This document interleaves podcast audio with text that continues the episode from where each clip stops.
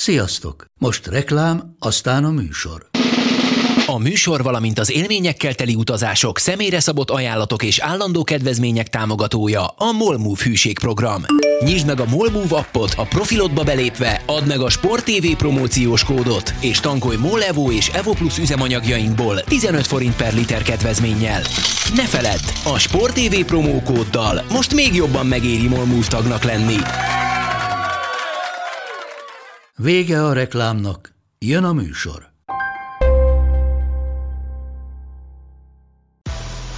Nekik mindegy, hogy Győr vagy Fradi, Veszprém vagy Szeged, Bajnokok Ligája vagy EHF Kupa. Csúcskézilabda egy helyen, töményen, Ágai Kis András és Borsos Attila előadásában, a kézi vezérlésben, a Sport TV és a 24.hu közös podcastjában. Sziasztok, ez itt a kézi vezérlés, a Sport TV podcastje Borsos Attilával és Ágai Kis Andrással.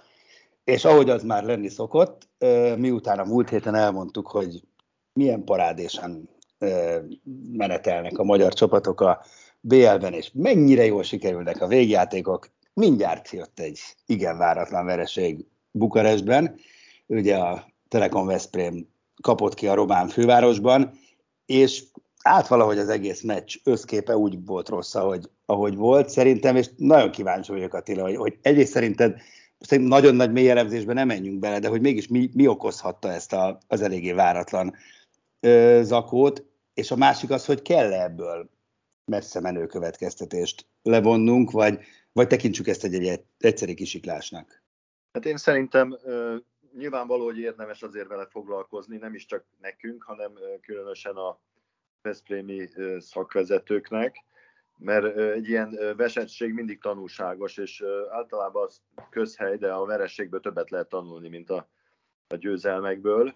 Én szerintem itt több tényező egyszerre hatott a, és okozta azt, hogy ez egy ilyen rossz mérkőzés lesz. Az egyik az biztos az, hogy, hogy azért a, a, a Veszprém ugye játszott három mérkőzést nem egész egy hét alatt. Ugye a Balatonfüreden volt egy bajnokiuk, előtte ugye Porto, ha jól emlékszem, tehát nagy, nagy a terhelés, és nem voltak elég frissek. Ez, ez látszódott a, az egész mérkőzésen. Ugye még pluszban volt ott egy kis galiba az alvással is, tehát úgy minden afelé mutatott, hogy nem voltak a toppon fizikailag.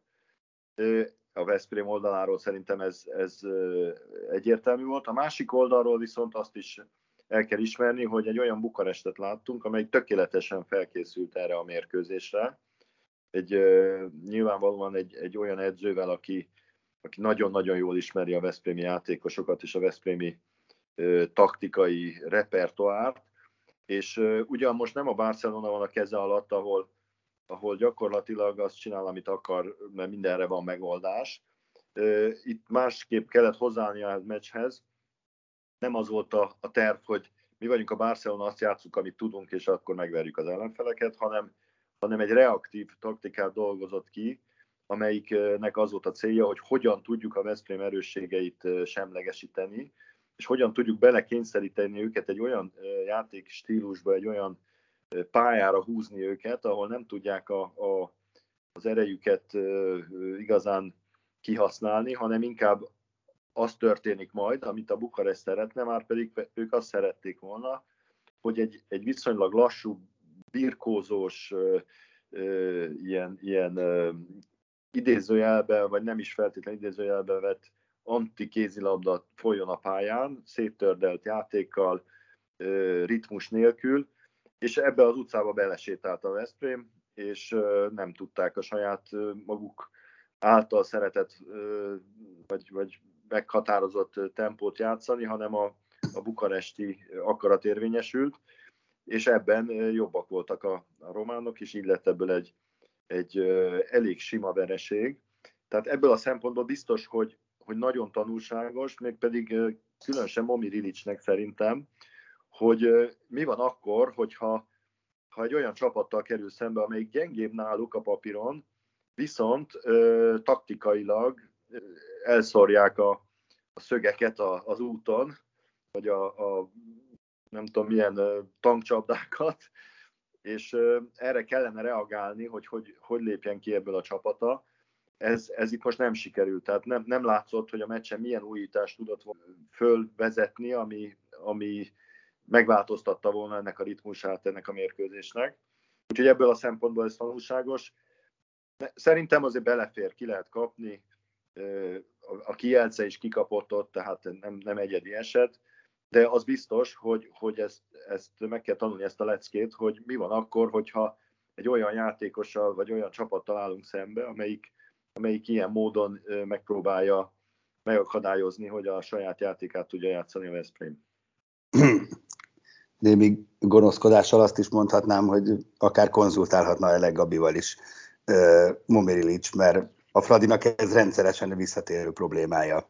Nem? Hogy nála a gyengébb játékerőt képviselő csapat borsot tör az orra alá. Így van, egy picit fámzomot lehet vonni azt hiszem a, a Podgorica mérkőzéssel. annyi különbséggel, hogy a Fradi azért ki tudott csúszni ebből a csapdával, és a végén azért győzelemmel tudott hazatérni, és, és ez az úgy benne volt azért a Veszprémnek a játékába is, hogyha ha még valaki ott a Nenadics mellé fölnőtt volna az utolsó 10 percre, akkor lehet, hogy, hogy azért valahogy haza lehetett volna jönni két ponttal. De ellentétben a Ferencvárossal, ahol azért volt egy-két jó teljesítmény a, a végjátékban, itt különösen a kapuban, ugye, itt uh, Romániában nem, nem tudott uh, senki uh, igazából hozzá tenni pluszt. Nekem, nekem erről a meccsről mindig a, elég sok teniszt láttam az életemben, mert családi vonatkozásban ugye sok teniszezőt ismerek. Ez egy, ez egy olyan teniszmeccs volt, amikor van egy nagyon jó játékos, akinek remek fonákja van, meg tenyerese, de vannak a pályán bizonyos zónák, ahonnan nem nagyon szeret ütni. És akkor, és akkor van egy ellenfél, aki nem tud nagyon jól teniszezni, viszont mindig abba a zónába pöttyinti be a labdát, ahonnan nem tudja rendesen megütni, és mindig a hálóba üti, vagy, vagy kiüti hosszúra. És ez, ez így zajlott ez a mérkőzés, hogy a románok mind, mindig azt csinálták, ami, ami nem esett jól. És ez, ez hozta meg a, a, a győzelmüket, amelyik, amelyik eléggé megérdemelt volt. Tehát nem lehet azt mondani, ezt ellopták ezt a győzelmet, ezt, ezt szépen kidolgozták. Végig az ő kezükbe volt tulajdonképpen ez a mérkőzés. Tehát azt mondom, hogy, hogy tényleg ebből lehet tanulni, hogy, hogy hogy kell felépíteni azt a taktikát, amelyik reaktív az ellenfélnek a ilyen irányú húzásaira. Igen. És, és tényleg, ha, ha visszakanyarodunk a Fradihoz, valóban ott is az volt, hogy a, a Montenegroinak ezt a, ezt a halogatós játékát, meg ezt a védekezését, amelyik egy nyitott védekezés volt, és, és próbálta széttördelni a, a Ferencváros játékát, erre nagyon nehezen jött meg a, a válasz, illetve a védekezésben szerintem ott, ott pedig szintén az volt a probléma, hogy az a taktika, amit a, a Buducsnos játszott, hogy, hogy a, a beállós, a beállós, a beállós, erre nem, nem volt a, a Ferencváros megfelelően reaktív, hogy, hogy hogy kényszerítsék bele a lövőiket, akik nem olyan jók, hogy, hogy lőjenek messziről, aztán meglátjuk, hogy mi lesz és, és mindig, mindig túlságosan kiléptek, akkor ott maradtam. Így van. De hogy valami pozitívumot is említsünk, mert számomra ez egyértelmű öröm. Kluibernek a, a játéka az abszolút javuló és sokkal dinamikusabb játéka, mert hogy mondjam, az ellenoldalon sajnos annyi példa van, hogy a, hogy a magyar válogatott meghatározó játékosok formán kívül vannak és keveset játszanak. Lásd Lékai, Háfra, az összes tatabányai gyakorlatilag, úgyhogy üdítő kivétel Kluiber Katrin ebből a szempontból azt hiszem, aki rossz formából vissza tudott jönni, és most, most egyre jobb. Az egyértelmű, hogy, hogy támadásban nagyon szép dolgokat láttunk tőle, és az volt szerintem a kulcsa a jó játékának, hogy egyszerűen játszott. Tehát nem, nem variálta túl, hanem, hanem kereste azokat a kettes külső oldalán levő területeket, ahol, ahol jól lehetett bevenni, szépen bedobálta a helyzeteit, nem hibázta el a, a közeli lövéseket, és jó választotta meg a szituációkat, tehát jó volt támadásban. Egy pici bémol azért az a védekezés, tehát azért oda jártak a védekezésbe hozzá, hozzáteszem, hogy amikor nem ő védekezett, akkor se volt sokkal acélosabb ott a beállós körüli védekezés, de nyilvánvaló, hogy az ő, az, hogy ő belül egy, egy valóban egy nemzetközi klasszis váljon, ahhoz az kell, hogy, hogy védekezésben is magas szinten tudjon játszani, vagy pedig Radulovics Bojana legyen, és minden meccsen lőjön 10 gólt, mert akkor, akkor elfelejthetjük a védekezését. Én aláírom, hogy legyen Radulovics Bojana, mert az, az nagyon klassz volt, amikor ő játszott ebben a pozícióban. Az nagyon jó volt. Hát nézd, a Fradinál sok minden eldől a következő meccseken, mert most ugye jön a Bukarest oda-vissza. Hát most kiderült tényleg, hogy, hogy milyen muníciók vannak még. Igen, ez, ez két abszolút meghatározó meccs lesz, mert ha ezt, ezt jól sikerül lehozni, mondjuk azt mondom, egy, egy döntetlen, meg egy győzelem. Igen. De ha négy pont, azt, akkor meg főleg, azt. mert onnantól kezdve Hát a döntetlen meg. Két, ja, bocsánat, igen, most két, igen, három pont, igen. A két, az első két hely akkor, akkor simán meg lehet, mert, mert ö, olyannak lesznek az eredmények, keresztbe kasul veri mindenki a másikat, ezt jól láttuk ezen a hétvégén onnantól kezdve, ha a hazai mérkőzéseit hozza a Ferencváros, akkor, akkor meg lehet az első két hely, ami egy nagyon jó opció a későbbi verseny részre, ugye az egyenes kiesésre. Így van, és nem mondom, hogy nem a mi valmunkra hajtja a vizet, vagy a Fradi malmára, mindaz, ami az orosz kézilabdában történik, bár gondolom győröt sem bánkodnak nagyon, hogy nagyon-nagyon mély gödörben van a CSK meg a Rostov.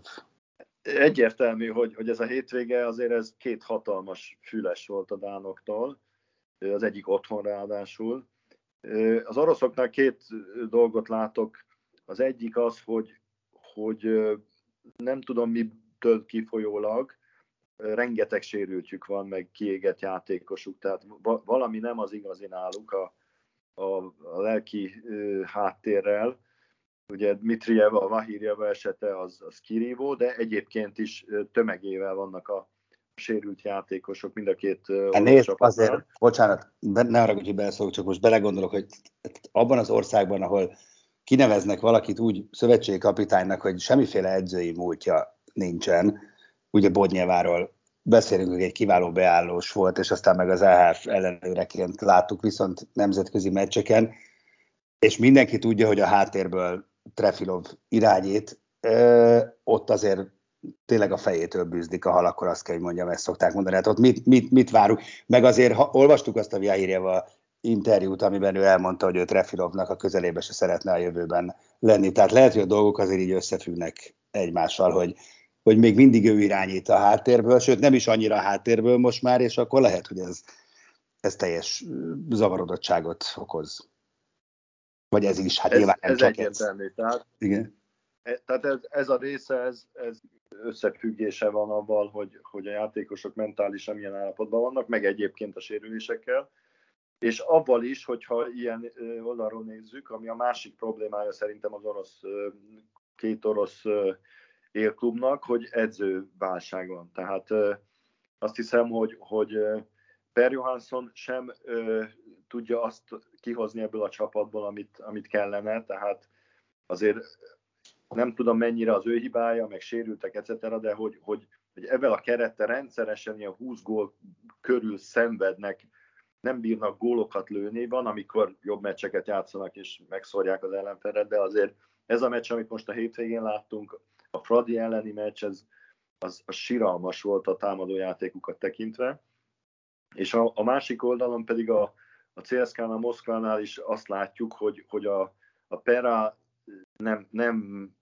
nem tudja ezt a csapatot egyenlőre magáénak magáévá tenni, hogy úgy mondjam, hogy, hogy a keze nyomát rátegye a játékukra, meg az történjen, amit ő szeretne, teljesen esetlegesen ö, történnek a dolgok, és azért az, ez egy nagyon komoly pofon volt, amit most kaptak, és a múlt héten is már majdnem a Szévehóftól beleszaladtak attól a Szévehóftól, amelyik ugye láttuk, hogy milyen játékerőt képvisel, amikor rendesen oda pörköl egy csapat nekik, ugye a, a Győr ellen. Tehát itt, itt szerintem rövidesen fogunk látni komoly válságjeleket a, a két orosz tárkudnál. Ami hozzáteszem, hogy e, mégsem annyira üdvözítő. Persze e, egyébként nyilván semmiféle káröröm nincs az emberben, ezt most csak azért mondtam, mert, mert természetesen a magyar csapatok ezzel kedvező pozícióba kerülnek. Ugyanakkor azt azért látnunk kell, hogy, hogy mondjam, a női kézilabda nem működik annyira üzleti alapon, amennyire sajnos kéne. Nagyon kevés a szponzor, nagyon kevés a tehető szponzor, és speciál az oroszok ebben azért úttörő szerepet vállalnak, ugye a Delo egy orosz cég, viseli a női bajnokok ligája nevét, és azért nagyon-nagyon sok pénzt tolnak bele a női kézilabdába. Én speciál nagyon nem örülnék, ha elmenne a kedvük ettől, és rájönnének, hogy ez, ez mégsem annyira jó, mert az egy komoly vákumot eredményezhetne. Én, én ilyentől nem félek, hogy nem? elmegy a kedvük. Ez, ez nem így működik szerintem. Tehát, ö, attól De valamitől a kedvük, megjött hogy... a kedvük egy pár éve, mert nem volt azért ez mindig így. Tehát, hogy Hát azért orosz kézilabda az mindig, mindig volt, kicsit hát több pénzzel, kicsit kevesebben. Klub, a kedvenc klub egy, egy-két embert kirúgnak jobbra-balra. Jó, oké, okay. legyen így. Azért rendet kéne csinálni igazából szerintem. Hát, ja, persze, ezt értem, csak nehogy esetleg a pénzembereknek, akik azért a pénzt tolják bele, azt mondják, hogy akkor keresünk magunknak a női röplabdát, vagy a, mert azért ezt tudjuk, hogy ez így megy, tehát azért elég gyorsan, a szponzorok azért elég hát, figurák szoktak lenni, tehát lehet, hogy egy három rossz eredmény után azt mondják, hogy na jó van, akkor most akkor megyünk másfelé ez azért jó lenne, ha ez nem. Látjuk. Így van. Na, de ha már a nagy pofonoknál, meg az erős kereteknél tartunk, hát nem lehet elmenni szó nélkül a siófok teljesítménye mellett, eh, amely hát tényleg döbbenetesen meglepő, és eh, te, nyugodtan mondhatom szerintem, hogy tervezzük, hogy beszélgessünk Danyi Gáborral, aki ugye nagyon nagy tervekkel vágott bele ebbe a siófoki munkába, karöltve Zdravko Zovkóval, tehát szóval nagyon-nagyon nem, nem áll össze, és akkor most finoman fogalmaztam, ez a legutóbbi Mosó-Magyaróvári 19 gólos vereség, ez pedig már lassan a megalázó kategóriába ö, sorolandó, és ősz, persze a Mosó-Magyaróvári nagyon jó csapat, ezt tegyük hozzá, tényleg, de ez akkor is irgalmatlanul sok, és nem, nem igazán értem, hogy, hogy, hogy, hogy mi történik, mert ennyire nem gyenge ez a siófoki. Ránézésre persze. Hát az, az egyértelmű, hogy, hogy meg, meggyengült a keretük, de ennyire akármilyen gyenge kerete van valakinek, 48 gólt kapni, az, az, az valamilyen ö, értelemben biztos, hogy egy, egy válságtünet. Tehát itt azért vannak sokkal gyengébb keretek, a, a, a Vasas vagy az Érd, és ők se kapnak 48 gólokat egy, egy mérkőzésen. Tehát itt, itt egy, azt hiszem, hogy, hogy egy, egy lelki szétesés van, fizikai problémák is lehetnek valószínűleg, és hát ugye ráadásul ez nem az első olyan mérkőzés, amit, amit azért furcsán néztünk az eredményt, ugye ez a Budaörs elleni otthoni vereséggel döntő volt. Vásztól is kikaptak otthon, az nem volt annyira meglepő, de azért azért mégiscsak... Várjál, bocsánat, hogy figyelj, csak most közben itt mozgás meg csak megnyitottam itt magam, hogy lássuk konstellációban az egészet. Tehát a legutóbbi hetes meccséből a Siófok ötöt elveszített. Kikaptak otthon a Győrtől, Kisvárdán, otthon a Budaörstől, igen, az, az sokkoló lehetett, aztán otthon a Váctól szintén, az egy nagyon szoros meccs, és most Mosó-Magyaróváron, és mindössze kettő győzelemre futotta, otthon a Szombathely és idegenben a Dunai város ellen. Tehát ebben a, az egész, vagy így ránézve az egészre tűnik ez nagyon-nagyon sérvesnek. Igen, ez tehát ugye a, a női NB1-ről most nem gondolom, hogy most túlságosan mélyen belemennénk, de azért azt látjuk ugye, hogy van a Fradi Győr, és akkor akkor van még egy-két komolyabb csapat, mint a Debrecen, Mosó Ugye, az Debrecen Fradi, az a Debrecen Fradi meccs, az egy szuper meccs volt. Ott a Debrecen, az egy B meccs volt. És, és nem csak a Fradi miatt, a Debrecen miatt is. Le a kalappal, Debrecen, marha jó. Szerintem a Mosó, Magyar, Mosó Magyaróvár is egyébként nagyon ott van. Tehát én inkább ezt a négy... Igen, azért mondom, hogy ezek... Igen.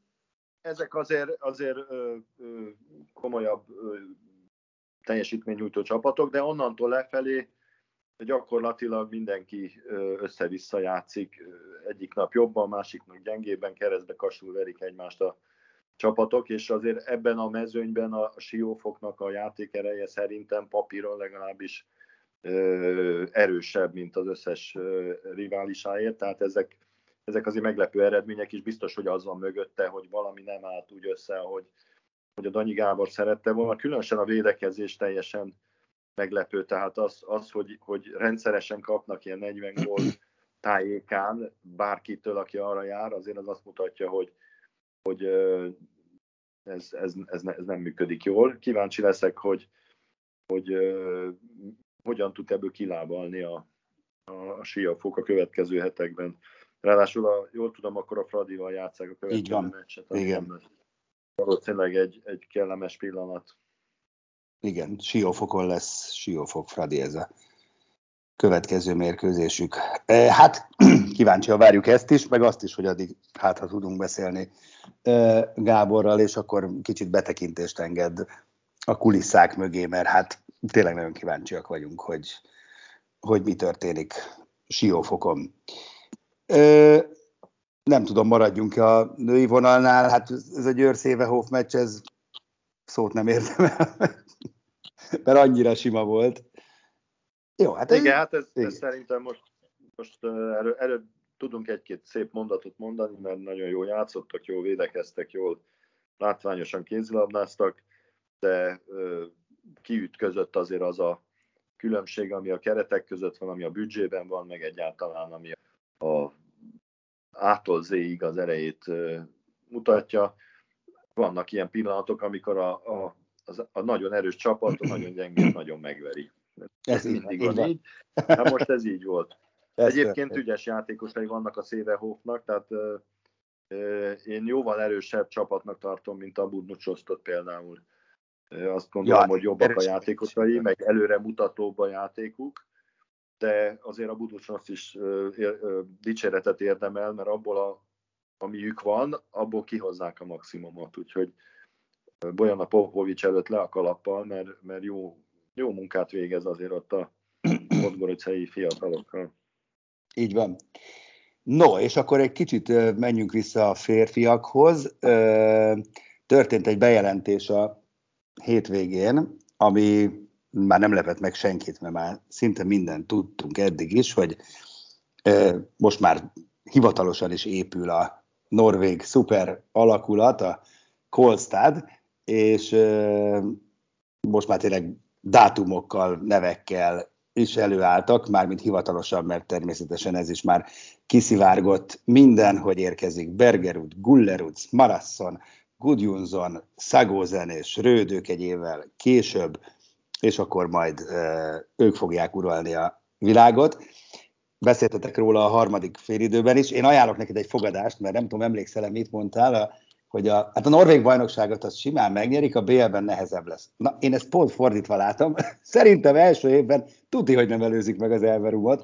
Annyira jó az az Elverum most, hogy én nem, mert ugye, Szagószen és Rőd csak egy évvel később jön, tehát eh, fogadok egy kólába veled, hogy még a következő bajnokságot nem nyerik meg. Igen, én nem a következőre gondoltam, hanem mikor már ez az egész ja, jó, jó, akkor okay. alakulat összeáll. Akkor lehet. És egyébként pedig logikailag azt tűnik nekem valószínűleg, hogyha az Elverumban játszó játékosok nagyon jók lesznek, akkor azokat is leigazolják. akkor ja, hogy az Elverum Aha. már rosszabbul fogja érezni magát. Úgyhogy ez, ez mindig egy kétirányú folyamat, amikor mondjuk a jó norvégok az Elverumba csillognak, villognak, akkor majd jön a másik csapat, aminek több pénze van, és akkor oda mennek a jó norvégok. Ugye el fogják veszteni Máté Dominikot is az Elverumnál. Ezt akartam mondani. lesz azért nekik. Úgyhogy elő, lehet, hogy a jövő évre nem, de a következőre valószínűleg meg lesz a bajnoki cím. Viszont a, a nemzetközi kupában szerintem ennél még tovább kell menniük, hogyha valóban mondjuk Final Four esélyes csapatot akarnak építeni, mert azért ami most rendelkezésre áll keret, nem ismerem a játékosaikat, de azért kilencedikek a norvég bajnokságban, az azt mutatja nekem, hogy abból, abból sok embert nem fognak tudni megtartani. És most bejelentettek 5-6 játékost, még szerintem másik tizet kell hozzá szerezniük, hogyha Ki lesz az edző? mondjuk egy Veszprémmel akarnak rivalizálni. Tudod, ki lesz az edző? Én maradtam le róla, vagy azt még nem tudjuk? Nem jelentették be, azt lehetett hallani, hogy, hogy Bergét a edzőjét. Az logikus lenne, mert hogyha az egész norvég vállalatot oda viszik játszani, akkor, akkor biztos, hogy a, az edző az, az jól jönne hozzá. De hát nyilván az is kell hozzá, hogy egy jó edzőt hozzanak, aki ezekből a hát ez az, új ez emberekből az. hamar jó csapatot tud csinálni. De valamiért nyilván mert, nem mert lehet... egyébként ott van, ott van példának a, a Ljubljana, ahol ugye egy csomó jó játékost hoztak, és elvileg volt egy jó edzőjük, a Uros Bregár, aki most már nem az edzőjük, mert nem tudta beépíteni az új játékosok a csapatába, és nincsenek olyan eredmények, amit a Ljubljana elvárt volna ettől az új alakulatától. Én nem tudom, én ezt, ezt az Uros Bregárt mindig egy kicsit ilyen túl hype figurának éreztem, hogy, hogy én, én nem emlékszem olyan, olyan frenetikus játékra és eredményekre az ő irányítása alatt, amitől olyan hasta kellett volna esni. De, de mindig ott volt a tűz közelében, tehát meg mindig nagyon jó kis csapatokat kapott. Jó menedzsere van valószínűleg. Igen, tehát hogy ez egy szimpatikus figura, meg, de, de, de igen, de valahogy hú, Uros Bregár és Uros Bregár, és nem, nem, nem, nem éreztem soha. Igen, hát most szépen kitették, és majdnem, majdnem jött is a meglepetés a, az első meccsen, hajszáhián elkapták a Vipers-t. Úgyhogy azért az, az nagy dolog. Aztán végül kikaptak persze, de... Na, de hát ez, ez legyen a szlovénok problémája, bár egyébként nyilván nem véletlenül jutott erről eszedbe hasonlatos, hogy önmagában az még nem elég, hogy összevásárolunk néhány jó játékost, az még, az még nem lesz egy csapat. Úgyhogy ezt jó hadorra. Ez, a, ez, a, ez a podcast Tehát... megmutatta, hogy milyen nehéz az edző. Hát tényleg. Siófoktól Jubjanán át Kolstadig. Hát igen, igen, igen. Meg, hát, meg Oroszországon át. Meg Oroszország, igen, igen, igen, igen, igen. Hát nézd, eddig sem éreztem hatalmas kedvet az edzőség, ez tényleg nem, nem, sok nehezebb, kiszámíthatatlanabb, stresszesebb melót nem nagyon tudok elképzelni, mint a labdajáték. Ez egyébként nem csak a kézilabdában, labdajátékban edzőnek lenni, ez... Pff, igen, az kemény, kemény pálya. Bitan kemény lehet. No, hát eddig tartott a mai ö, kézi vezérlés, és akkor még két gondolat a végére. Az egyik csak megismétlem, hogy, hogy szeretnénk megszólaltatni Danyi Gábort, és beszélgetni vele arról, hogy mi is ö, zajlik Siófokon. A másik pedig, hogy azért vinnénk tovább ezt a passzív-nem passzív vonalat.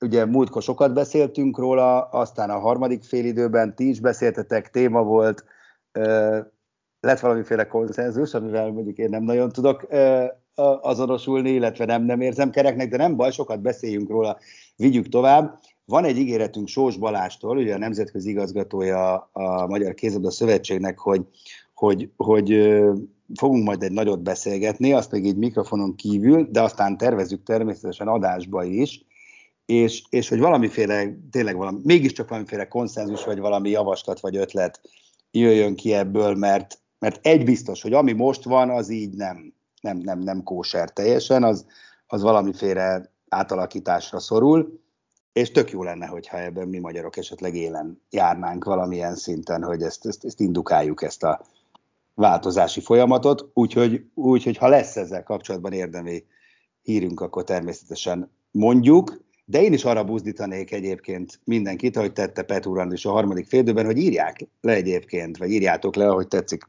tegeződjünk inkább, nagyjából eddig is azt szoktuk, hogy, hogy milyen gondolataitok vannak ezzel kapcsolatban, például ugye a Facebook oldalunkon ennél a, a posztnál kommentben nyugodtan, de bármilyen fórumon jöhet szerintem azért eljut hozzánk, mert ki tudja, hogy honnan jönnek az igazán jó ötletek, vagy vala, vala, valakiben olyan megvilágosodás lesz, amitől a homlokunkra csapunk, és azt mondjuk, hogy na így kéne ezt akkor mostantól csinálni. Úgyhogy aktivizáljátok magatokat, légy szíves, ha meg nem, akkor csak passzívan hallgassatok minket a továbbiakban is. Ez volt már a kézi vezérlés. Sziasztok! A műsor a Béton partnere.